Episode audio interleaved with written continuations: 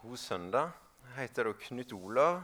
Lærer egentlig på Åmli skole, men for tida så er jeg vel en av de heldigste unge mennene i bygda. Kan være hjemme med tre unger og nyter dager i pappaperm. Når jeg fra natt fra torsdag til fredag kunne sove ute med ungene på Hulefjell og ligge på kvelden og se opp på stjernehimmelen og lese 'Gud og jeg er venner' for ungene mine til de sovna, da er livet godt. Og I dag er jeg veldig spent på det jeg skal snakke om. Jeg opplever at det er litt sånn kamp rundt det jeg skal si. Jeg skal prate om omvendelse. Og det er noe som stormer når en prater om det sjøl, for når det koster noe. Og det kan være det er noe som stormer litt når jeg skal prate om det i dag. Jeg skulle egentlig prate om det for to uker siden. Da lå jeg hjemme og spydde. Og så var det tida i dag, og i natt har jeg ikke sovet noen ting. Et eller annet som stormer litt rundt det jeg skal si. Eh, og jeg knytter veldig sjelden ting til at eh, djevelen gjør det, eller de fleste ting har naturlige årsaker. Men jeg tror det jeg skal si, er et ord til oss. Når jeg satte meg ned og skulle forberede for det egentlig tjeneste som er temaet vi skal tale i nå, så får jeg dette bildet ganske klart for meg av denne flua som surrer i et vindu. Alle som har vokst opp i eldre hus, kjenner våren og sesongen der fluene begynner å surre i vinduene. Og de er ganske flittige. De er målbevisste. De vet hvor de skal. Og det gir seg ikke så lett. På mange måter så gjør de alt rett. På samme måte som at vi kan prate om tjeneste, vi kan prate om disippelskap, evangelisering. Gjøre alt rett som menighet så bare står vi der og surrer i vinduet. Og så tenker jeg når ser på denne flua men hallo, da kan du ikke bare fly en halvmeter ut. Heve perspektivet litt. Og så står det jo en dør åpen for den. Og Det er egentlig det jeg skal prate om i dag, og det Camilla innleda med. Jeg tror den døra, og her er det en klisjé, er kjærlighetens vei, som Paulus prater om. Jesus oppsummerer det sånn at skal jeg oppsummere hele loven som Camilla leste, så er det å elske Gud, og så er det å elske mennesker. Utfordringen min er å holde kjærligheten varm. Det er ikke å holde seg til den rette teologien nødvendigvis. Men å holde kjærligheten til Gud varm, holde kjærligheten til mennesket varm. Det er der slaget vårt står. Skal Vegårshei bli forandra, skal vi se at ting skjer rundt oss og i landet vårt, så er det åssen vi elsker Gud, åssen vi elsker mennesker. Jesus sier sjøl at han ønsker å bygge sin menighet. og Vi har veldig lett for å bygge vår menighet. Men hans menighet er definert av to komponenter. Ifølge Paulus, ifølge Jesus, ifølge Peter så handler det om at det skal være et hode. Og det er Kristus. Og at det skal være en kropp, og det er oss. Vi kan ikke velge hvem vi skal til hodet. Og hvis vi er et bein, så kan vi heller ikke bestemme hvilken vei vi har lyst til å gå. Vi er prisgitt det hodet. Vi er nødt til å forholde oss til det som hodet. Og Vi kan heller ikke velge hvor på kroppen vi skal plasseres inn, eller hvilke lem vi skal være på den kroppen. Vi er plassert inn en vei, i Guds nåde. Det er ikke et valg vi har, om hvem som skal være hodet, eller hvor på kroppen vi skal være. Men det handler om å elske Gud og anerkjenne Han som hodet.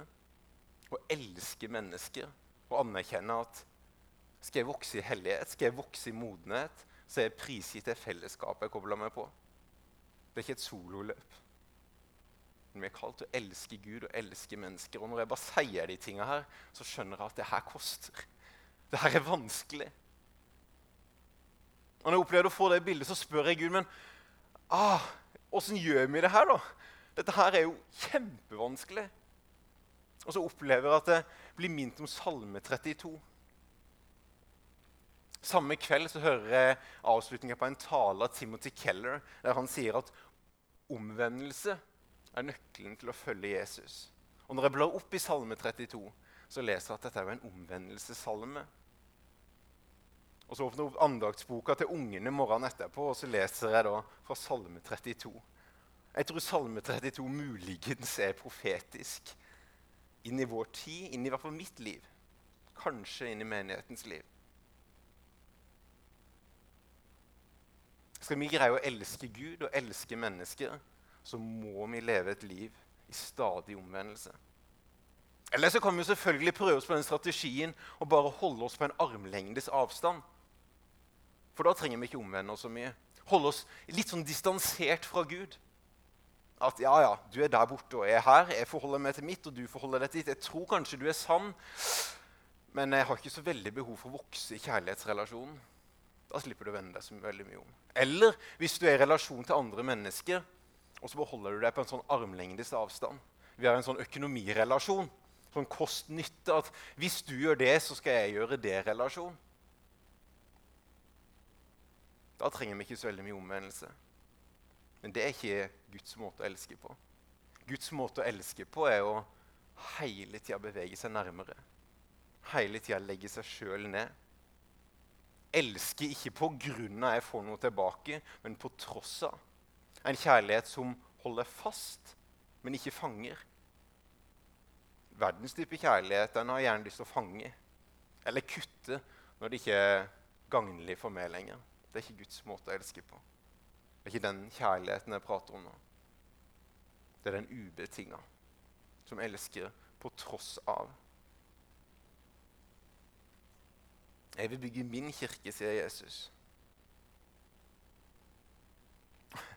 Og Jesus er såpass, Dette er såpass viktig for Jesus at rett før han skal dø, så er det her som han er opptatt av at han sier til disiplene sine.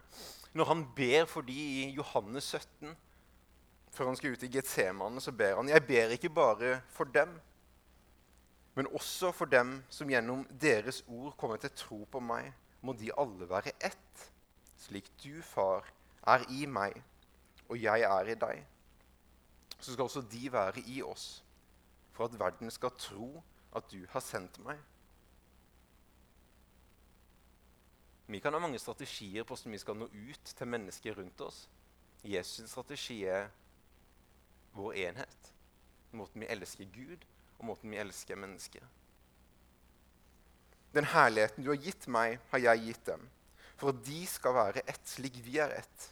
Jeg i dem og du i meg, så de helt og fullt kan være ett. Da skal verden skjønne at du har sendt meg, og at du elsker dem slik du har elsket meg.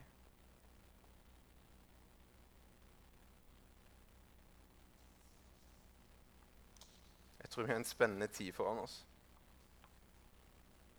Jeg snakka med onkelen min i går kveld på telefonen. Onkel Mangfred. Mangfred Vangstad. Jeg måtte jo ringe han når jeg hører det sitert hva som skjer i Bodø misjonskirke gjennom en annen tale i Randesund misjonsmenighet. Når det begynner å gå rykter om hva som skjer, så må jeg jo ringe og høre. Og der opplever de akkurat det her skjer. En fornya tro på at det er Jesus som gjør de tingene her. De har opplevd ti år der de egentlig bare har stått og stampa litt. Og ting har vært vanskelig. Og det siste halvåret nå så har det vært en fornying i menigheten til at det er Gud som er herre. Det er han mine retter oss etter. Og så har det vært en forny kjærlighet til mennesker rundt dem, der de har begynt å ta seg av flyktningfamilier. De har spesielt tatt seg av en familie der mora døde, og åtte unger var, var latt igjen og gjennom den kongolesiske familien der og det, det, de har fått lov til å være med å, å gi inn til i oppofrende kjærlighet, så de begynte å se at mennesker er interessert i Jesus. Og nå trenger de arbeidere. Så det i sin bønn nå er at vi trenger kristne. For vi har kjempemange som er nysgjerrige, kjempemange som søker. Men vi har få til disippelgjøre. Ting begynner å vekkes opp prater med mange av søsknene til Else nå. rundt omkring, De bor jo andre plasser. Der skjer noe nytt. Og så har vi et, et av de venneparene i Oslo som står oss nærmest. Jeg har nå at Gud sa at de skal flytte til Spania. Og at de fikk en dato hvilken by de skulle reise til. Det er et eller annet nytt som skjer i veldig mange av våre relasjoner rundt oss. og Jeg kjenner jeg er begeistra. For jeg tror Gud driver og gjør de her tinga her. Vender oss om til Han vender oss tilbake til Han som er hodet, og knytter oss sammen med kroppen vår.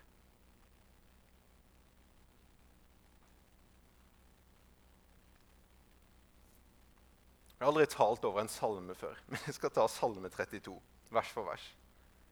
Og det er syv av disse her omvendelsessalmene i Salmenes bok. Det er ikke noe jeg har funnet ut av, men det er teologer sett fra ja, langt tilbake i tid at salme 6, 32, 38, 51, 102, 130 og 143 er sånne omvendelsessalmer.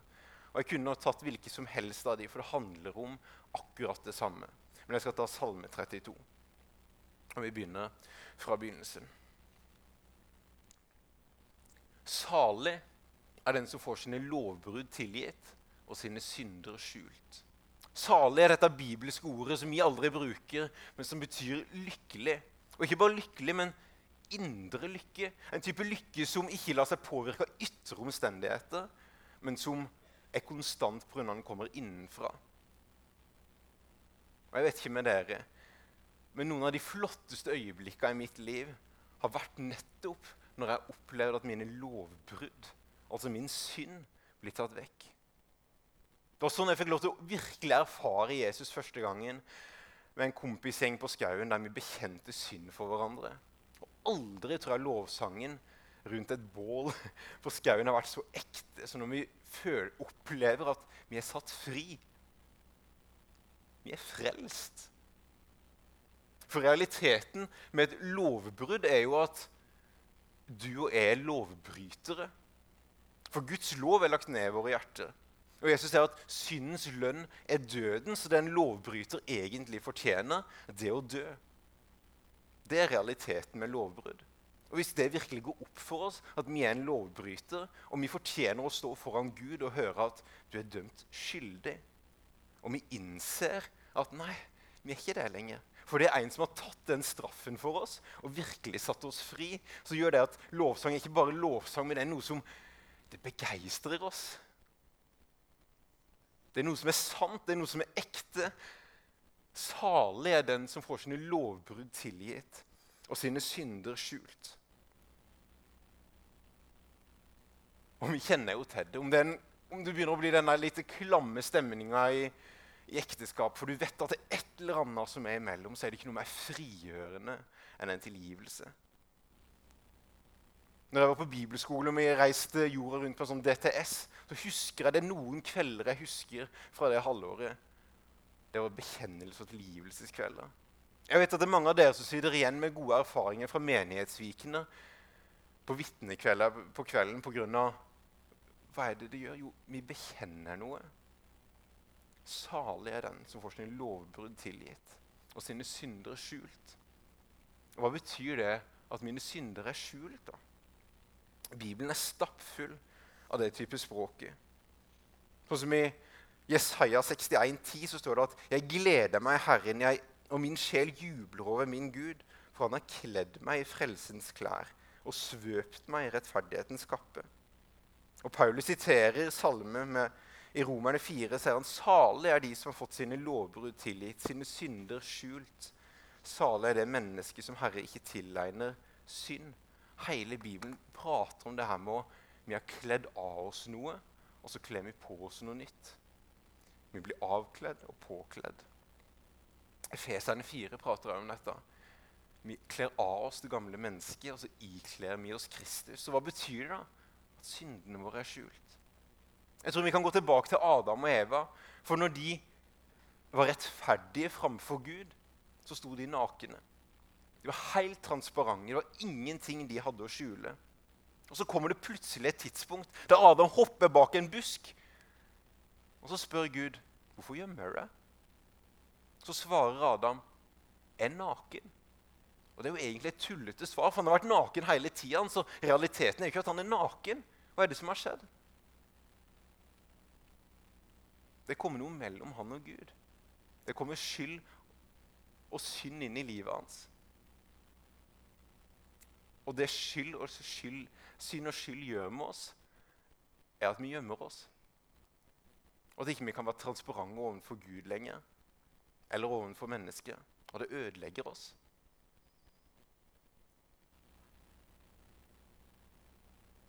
Og hva er det Jesus gjør? Det skjer noe på korset som er ganske viktig. Det er at han blir kledd naken. Han blir avkledd sånn at vi skal bli påkledd.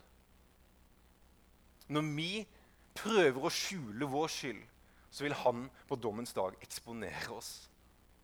Men når vi eksponerer oss framfor Gud, så vil han skjule oss. Og Språket gjennom Bibelen er ganske mektig når det kommer til at Gud skjuler skyld. Han kaster det i forglemmelsens hav, der ingen fisker. Han kaster det så langt som øst er fra vest. og Hvis du skal reise vestover og prøve å treffe øst, så kommer du aldri dit. Er det ikke fantastisk? Så når, vi, når Gud skjuler skylda vår, så er det borte.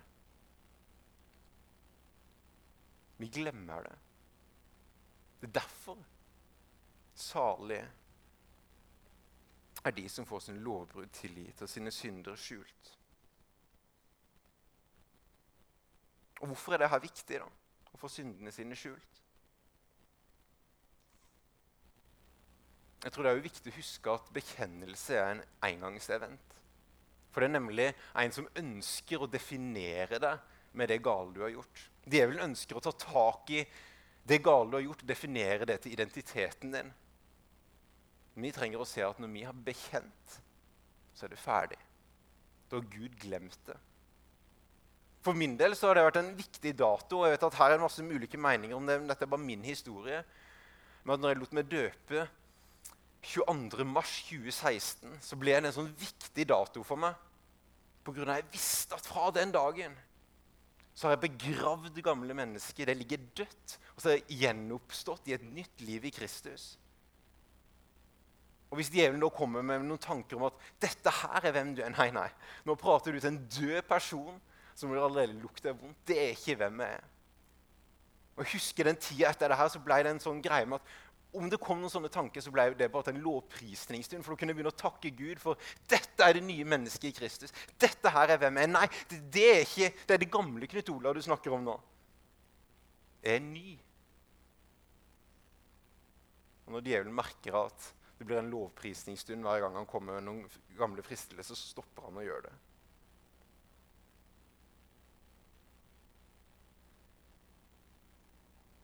Salig er det mennesket som Herren ikke tilegner skyld, som er uten svik i sin ånd. Et viktig ord her er Herren. Dette er ikke en tittel.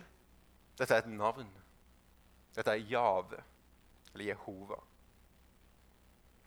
Jeg kunne kalt Else med en tittel, at hun er min ektefelle eller LIS-lege på Arendal sykehus, eller ha noen titler på hvem hun er. Eller jeg kan kalle henne Else.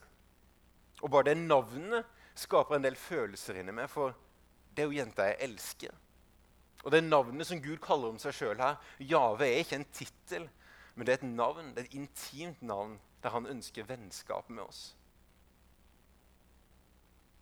Og hvem du legger, hva du legger i det navnet, har ganske mye å si. For hvis du vender om til en gud som du tror står der og straffer, så er det ikke så mye å vende om til.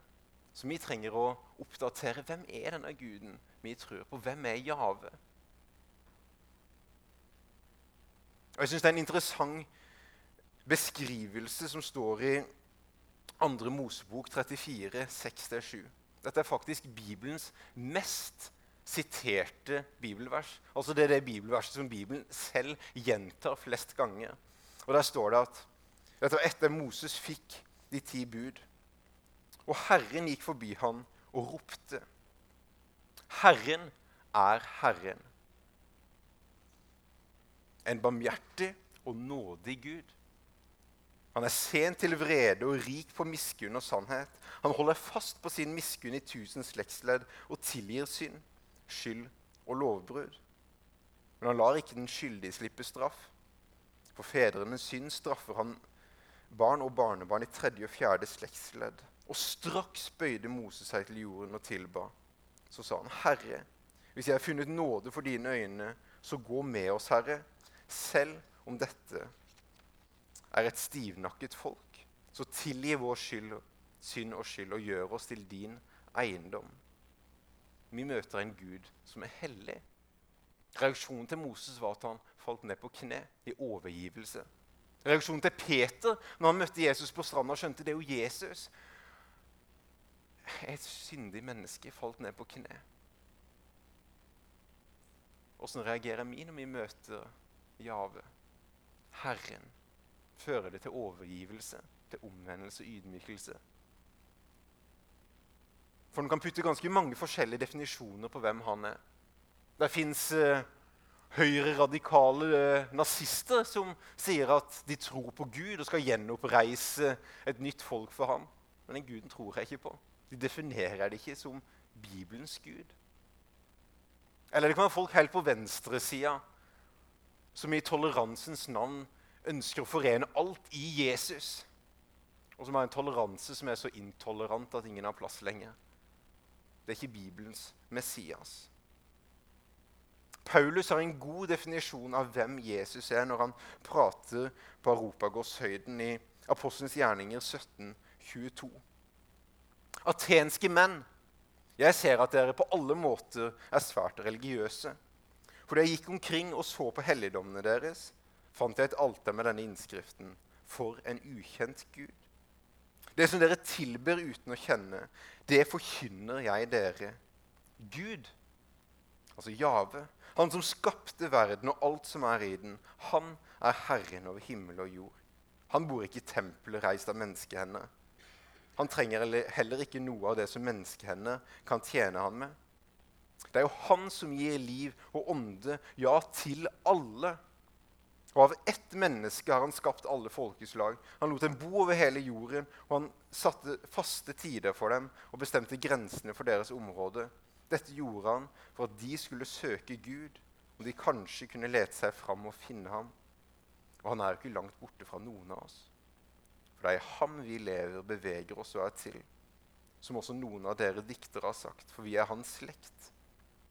Og fordi vi er Guds slekt, må vi ikke tenke at Guddommen ligner et bilde av gull eller sølv eller stein formet av menneskehender, kunst eller tanke.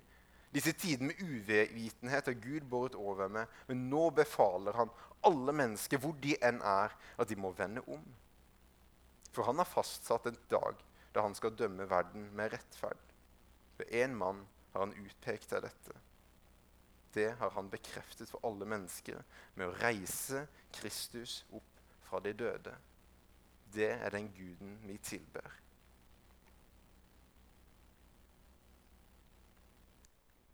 Så lenge jeg tidde, ble mine knokler tæret bort, mens jeg stønnet hele dagen. For dag og natt lå din hånd tungt på meg, og min livssaft svant som i sommerens hete. Så tenker jeg, hva er det her for noe? Jeg tror det er viktig å ikke dele opp for mye ånd, sjel og kropp. Når det åndelige lider, så lider også ofte det psykiske og det fysiske. Og hvis du går igjennom ja, både elendig litteratur og det som vil bli sett på som klassiske verk gjennom tidene, så ser vi at det med synd og skyld definerer historien vår, definerer litteraturen vår. Helt fra babylonerne så har de diskutert hva egentlig det her med synd og skyld. Og I 2023 så fortsetter fortsatt nye ateister å diskutere ja, men hvordan kan det her ha seg. Dette er noe av det vanskeligste å forstå. Hvordan kan ulike mennesker i ulike samfunn ha så lik oppfattelse av hva som er rett og galt? Muligens er det pga. Gud har lagt evigheten ned i våre hjerter. Men det er en bok som ville vært på denne, denne lista over uh, de ti litterære klassikerne gjennom tidene. Skrevet av Frodor Dostojevskij i Sovjetunionen på 50-60-tallet. Der han skriver boka 'Crime and Punishment'. Der blir vi kjent med mannen Roskonakov. Og Han er på veldig mange måter en moderne mann. Han kunne bodd på Grünerløkka i Oslo eller i rekkeleiligheten vår oppe på Kjelsås. For han ønska å omdefinere og lage sin egen sannhet. Og Han prata så høyt til vennene sine om at det er en latterlig idé, det de religiøse sier om, om, synd og samvittighet og de tinga her. Og han skrøt så mye av det at han ble utfordra på at ja, men kanskje du burde teste det. Ja, ja, det skulle han teste. Så han lager en plan om å drepe et menneske. Han finner en, en dame i nabolaget som ingen liker. Sånn at dette skal jo ikke bli noe problem. Og så gjør han det så perfekt at ingen finner sporet etter at han dreper denne dama. Og så er det som å lese de neste 10-20 sidene av den boka som å lese så lenge jeg tidde, ble mine knokler tæret bort. Han forklarer et så stort fysisk og psykisk og åndelig ubehag at han klarer ikke å leve med det. Og Til slutt så melder han seg frivillig til politiet og bekjenner synden sin. Og Så skriver han at før det her skulle jeg nesten tro at jeg aldri hadde levd. Sånn en lykke kjente han på når han fikk sone straffen sin. Som er skrevet i et ateistisk Sovjetunionen. Synd og skyld preger oss. Og det er som at Frode Dostojevskij kunne ha gått rett til Salme 32, vers 5. Da bekjente jeg min synd for deg og skjulte ikke min skyld. Jeg sa, jeg vil bekjenne mine lovbrudd for Herren, og du tok bort min syndeskyld.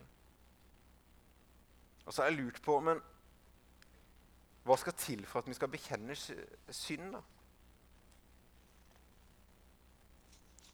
Jeg har jo lært på alle som har vært på bibelskole, lærer at Den hellige ånd er jo en gentleman. Han tar én ting av gangen. Når du kommer inn i kristen tro, så det er jo ikke alt på en gang. Så én ting av gangen. Og så lærer vi at Den hellige ånd er vår lærer. Han skal være den som veileder oss og underviser oss. Så vi må være ydmyke når det kommer til det her med synd og skyld. Samtidig så er Bibelen stappfull av historier der vi trenger hjelp av andre. Vi trenger hjelp av kroppen. Paulus snakker ofte om hvordan vi skal formane brødrene våre.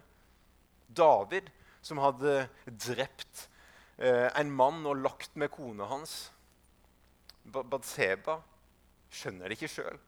Han trenger at en profet skal komme til ham og sparke ham i rumpa. Og Så kan vi lese Salme 51, der han virkelig bekjenner synden for Herren. Så hva er fasiten? da? Det fins ikke noe fasit. For når det er relasjonen til Gud det har med å gjøre. Noen ganger er det ene rett, noen ganger skal vi hente på det andre. Men det vi er nødt til å vite, det er at vi har, vi har en stor blindsone. Vi bør kanskje alltid være strengere med oss sjøl enn med andre. Og være ydmyke. Og for min del så har jeg sett begge deler være godt i livet mitt. Og noen ganger så, så har jeg jo fått noen ting som ah, men er det her? Og så har det gått en liten ukes tid, og så har Den hellige ånd i meg bekrefta at ja, det her var ikke noe synd. Det her var noen, kanskje noen holdninger som jeg trengte å oppgjøre med. Og Det handler igjen om å anerkjenne Han som Herre, og at vi er kobla til en kropp som er satt til å elske hverandre og hjelpe hverandre. Så åssen gjør vi det, da? Husker den eh, en uke vi hadde på på DTS-en, så fikk vi besøk av Andreas Nordli, lederen for Ungdom med oppdrag. Han underviste oss om hvordan vi skulle, hvordan vi skulle handle om, om, relasjoner. Han var kjempenøye på at personlig skyld det må bekjennes for Gud. Er det ting du har satt deg fast i i synd, ting som har fanga deg, så må du bekjenne det for mennesker og for Gud. Er det offentlige synd, så må du bekjenne det offentlige for mennesker og for Gud.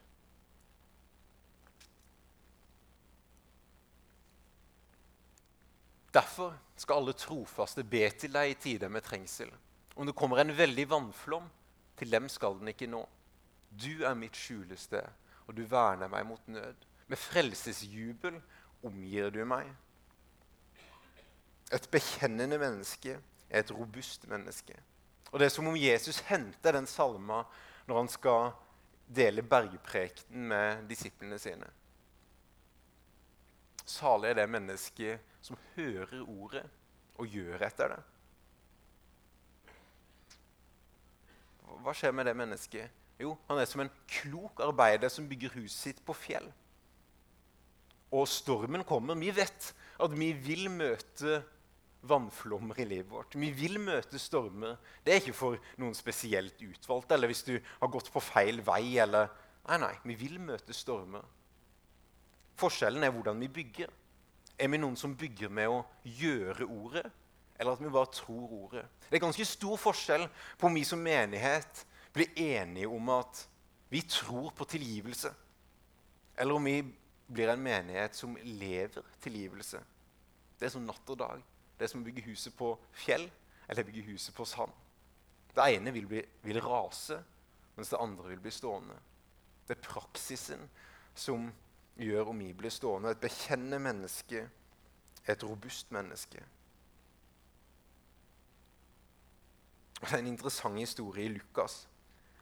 I Lukas 18. Der blir vi kjent med en, eh, en rik, ung mann som møter Jesus og spør hva kan jeg gjøre for å arve evig liv. Så svarer Jesus mest sannsynlig så har han noe som er over Jesus i livet sitt. Så Jesus sier, 'Gå og selg alt du eier, og gi til de fattige.' Og så går den unge mannen bedrøva bort. Men så møter vi en annen ung, rik mann i kapittelet rett etterpå. Og det er Sakkeus. Og jeg ser liksom for meg at de unge mennene kunne gjerne ha gått i samme bibelgruppe. De, de var i var samme del av byen, og de så kanskje like gamle ut. og var en del av samme økonomiske sjikte. Og jeg tenker at det har vært interessant i den bibelgruppa uka etterpå. Da er det én av dem som har gått bedrøva bort. Og Mest sannsynlig så får han kanskje sympati med de andre i bibelgruppa. Du, jeg, jeg møtte Jesus her en dag, og så og så ba han meg selge alt jeg eide. Det kan vel ikke stemme? Så, nei, nei, du er jo en så god forvalter. Hvis du heller putter pengene på fond, vet du, så kommer du til å få mye mer å gi til Guds rike litt seinere. Og så får han, ja, sant. Så han bekrefta Ja, det er jo mye mer rett. Så sier det Sakkeus og hører på dette her. Han som ga firedobbelt igjen. Jeg ser for meg at det må ha vært litt utfordrende. Og Hvis det var noe som skilte de to mennene litt fra hverandre, så var det ikke teologi. Jeg tror vi har en tid i Norge der det er ikke de ulike kirkesamfunnene som definerer at du er pinsevenn, du er nomisjon, du er Guds menighet.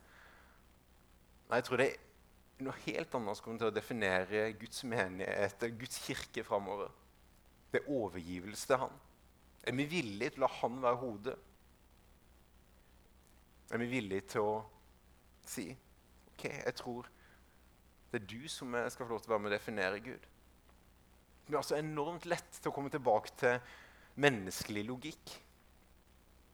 Og Så ser vi at hele Bibelen er stappfull av at vår visdom det er uforstand for Gud. David og Goliat, liksom. Det er jo ikke menneskelig visdom. Eller at, uh, at Josfa skulle gå sju ganger rundt byen og blåse noe horn, sånn at veggene faller. Det er ikke menneskelig visdom. Eller Gideon som skal ta 300 menn og beseire en stor hær med krukker og fakler. Det er ikke menneskelig visdom. Det er overgivelsen som skaper den enheten. Ikke hvem vi, vi tror på det, eller ikke teologien heller.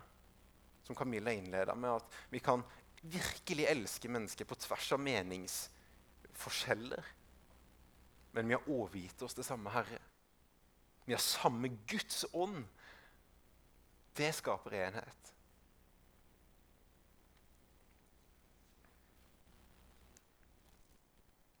Jeg vil gjøre deg vis og lære deg den veien du skal gå. Jeg vil la mitt øye hvile på deg og gi deg råd. Okay, så La oss prøve med litt sånn visdom. nå. Hva skal vi gjøre med denne skylda vår? Eller hva skal vi gjøre, eller hva skal vi ikke gjøre? Og når jeg bare begynte å tenke litt, hva er det jeg har veldig lett for å gjøre med min skyld i mitt liv, så kunne jeg veldig lett ramse opp en del punkter. For jeg har veldig lett for bare skifte skyld. Nei, men Det er jo ikke egentlig min skyld. Det var jo sjefen på jobben som fikk meg til å si det der. Det er jo han som skal beklage, og ikke meg. Så hører vi et ekko fra Adam. Det var hun som spiste eple, det var ikke meg. Og så vet vi at det funker ikke. Eller å omdefinere det. Ah, er det virkelig så galt, da? Å gå litt lenger før en har gifta oss. Eller gjøre det, eller Det er så mange andre som gjør det. Vi har en pastor i menigheten som gjør det, eller vi har en leder der, eller vi, jeg kjenner en som gjør det. Da må vel jeg jo kunne gjøre det? Eller å bare ignorere det. Ikke gi rom i livet ditt å kunne tenke på den skylda eller den skammen eller den synden. Fylle opp alle tomme øyeblikk med mobilen. Eller jobb litt mer, eller tren litt hardere. Eller skal vi snakke litt dritt om andre? Det er en metode som gjør at vi føler det litt bedre. For hvis vi trykker andre litt ned, så ser vi ikke dritten vår så veldig tydelig. Da er vi bare litt sånn som alle andre, og så slipper vi å bry oss om skylda vår. Eller å skryte litt av oss sjøl. Se på meg hvor flink jeg er. For så lenge folk kan se at jeg er litt flink i tillegg, så kan jeg beholde den skylda i livet mitt. Og så går det greit allikevel. Men så funker det ikke. Eller så kan vi straffe oss sjøl? Du tar aldri oppgjør med skammen, men du behandler deg sjøl bare litt dårlig. Med å ta litt dårlige valg. Else jobber i psykiatrien. Hun ser dette hele tida. Mennesker som går veldig langt i å straffe seg sjøl. Men skal vi være ærlige, så er det kanskje strategier som jeg bruker bare med mindre grad. Men så vet vi at det funker ikke. Så er det som funker, da? Jeg tror det som funker, er totalt ærlighet. Å være ærlig overfor Gud og være ærlig overfor mennesker. Jeg tror det hjelper å se hva synden egentlig er. Hva er det jeg har gjort nå? Har jeg bare synd, Vender jeg meg bare om for å, å beklage og for å gå den riktige veien? Eller eller vender om pga. at jeg faktisk er lei meg for at jeg har synda mot Gud? At han er såra for det jeg har gjort? Eller hvis jeg skal se hva er det det her kan føre til hvis jeg fortsetter å gjøre det her over tid? Hvis jeg fortsetter å, å se på porno, hva er det kan føre til over tid? Jo, det kan føre til at den ødelegger relasjonen til kona mi. Det kan føre til at jeg får en at det påvirker hvordan jeg elsker henne. Det kommer til å påvirke barna mine på sikt. Over tid kan det her skape ringvirkninger for meg sjøl og for familien og for samfunnet mitt. Det å se hvor kan dette her lede hvis det fortsetter. Være ærlig på hva synd er for noe, og så eksponere det skikkelig. For når vi eksponerer vår skyld, så skjuler Gud oss. Og Hvis vi da ser hvem Gud er, han er en kjærlig Gud, rik på omsorg og barmhjertighet. Så vender vi om for Guds skyld, og ikke bare for vår skyld. Vi begynner å nærme oss slutten. Vær ikke som hest og muldyr uten forstand. Dere smykker er tømme og bissel til å tvinge dem med. Ellers kommer det ikke til deg. Den urettferdige har mange plager, men den som setter sin lit til Herren, omgir han med godhet. Hva er problemet med hest og muldyr? Jo, det er at de trenger tømme og bissel. Og jeg er en sånn bisselkristen ganske ofte. Jeg trenger noe som justerer meg.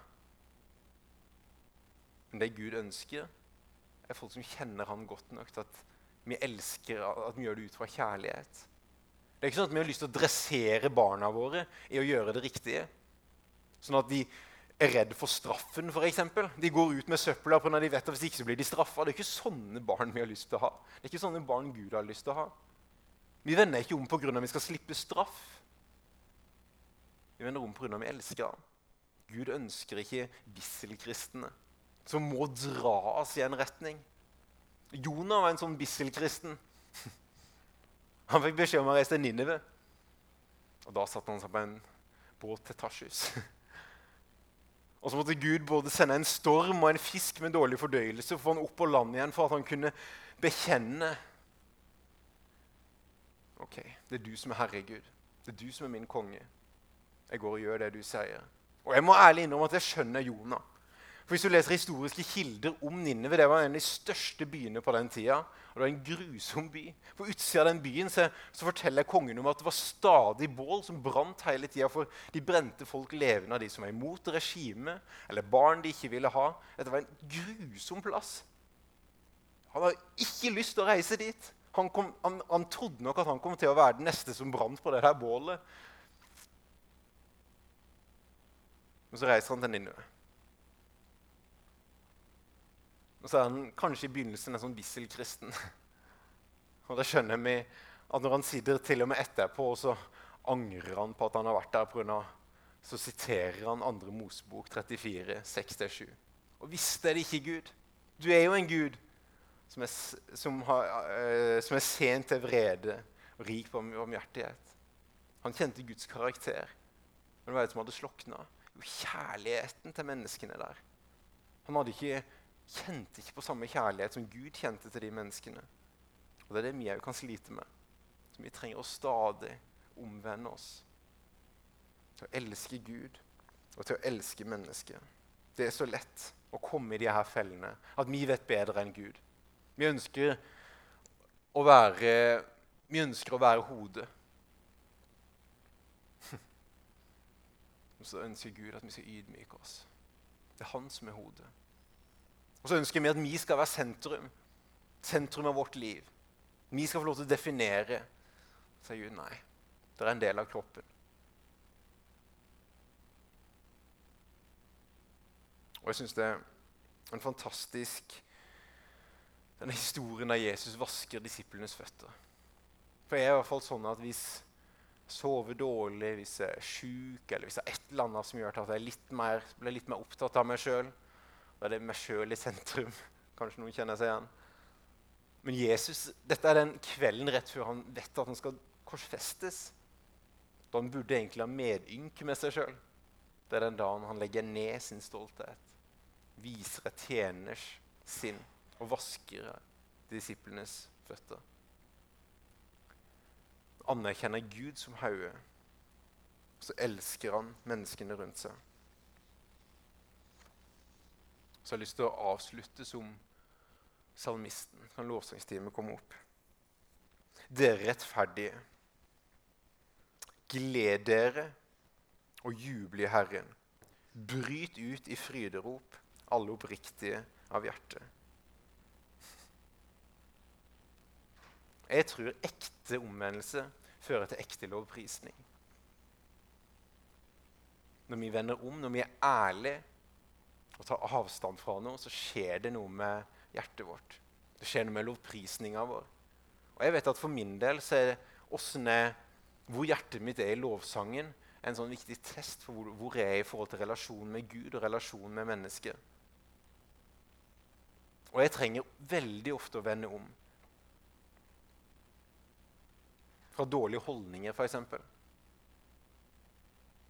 Hvis det er en relasjon som stilner, la oss si at ekteskapsrelasjonen går seg litt kald, så er det gjerne to ting. Det ene er holdningene våre. At vi har noen tanker som ikke er sunne.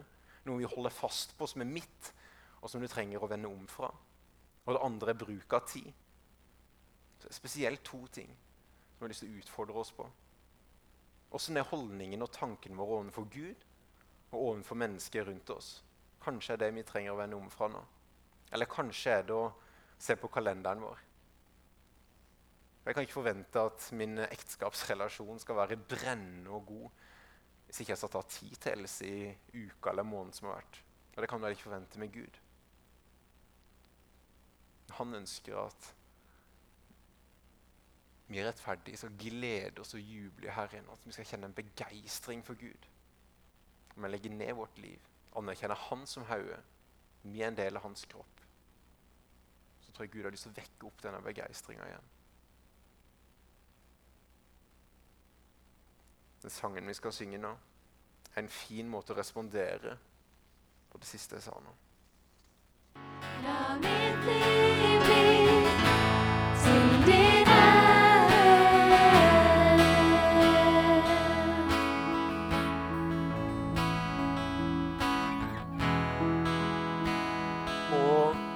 neste sangen var 'Goodness of God', så kjente jeg at jeg skal dele en del av det Mangfred delte med meg i går kveld, om det som skjer oppe i Bodø.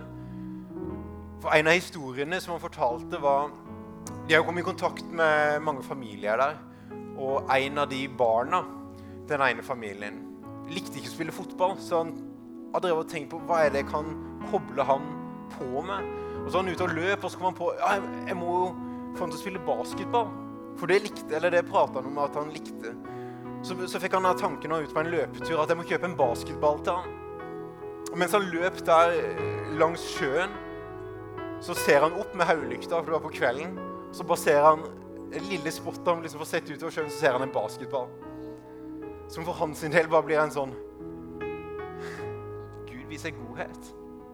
Gud er en god Gud, en barmhjertig Gud, som ser oss i det vi står i. Selv om det har storma rundt oss der oppe nå i ti år, så er det en tid nå for Gud ønsker å gi oss gode ting. Og så går han ned til sjøen her. Og så ser han at han er jo for langt ute. Han får aldri tak i det. Det var dumt av meg å prøve å skulle gå ned der. Og så ser han at eh, det er jo et sånt svaberg som ikke han ser, som akkurat sånn han kan gå på. Fire meter ut, så tar tak i denne basketballen. Og når han går der og blir litt blaut på beina, og sånn, så tenker han at det var tullete. Sikkert bare en drittbasketball. Det er ikke noe poeng å bruke tida mi på å hente den der. Men så kommer han ut, så tar han opp, og så er det en skikkelig bra basketball. Og neste tanken han får, det er tre kilometer hjem. Og jeg får sikkert ikke plass i sekken. Så det er tullete av meg å ta opp denne basketballen. Men så prøver han å putte den opp i sekken, og så går det akkurat. Og så løper han til denne kongolesiske familien og gir fra seg basketballen og får en fantastisk fin samtale med dem.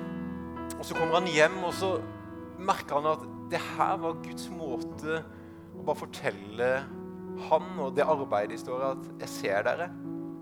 Men det han trengte, var å vende om den kvelden. Han trengte å vende om, for det er ti år i Bodø der de har bedt for mennesker, de har stått på ting, og de har ikke sett noe skje. Selvfølgelig har sett ting skje, men de har ikke sett det skje som de ønsker. Og han trengte å vende om fra å ikke forvente at Gud gir gode gaver. At ikke Gud er en god Gud som ønsker å velsigne det. For gang på gang i den historien der så hadde han bare hatt vantro. Nei, det, jeg får sikkert ikke tak i den. Gud har vist meg en basketball. Liksom, jeg kommer sikkert ikke ut til den. Og det er sikkert ikke en god ball. Og jeg får sikkert ikke sekken på vei hjem. Og så brukte han den kvelden på kne for Gud og ba om tilgivelse.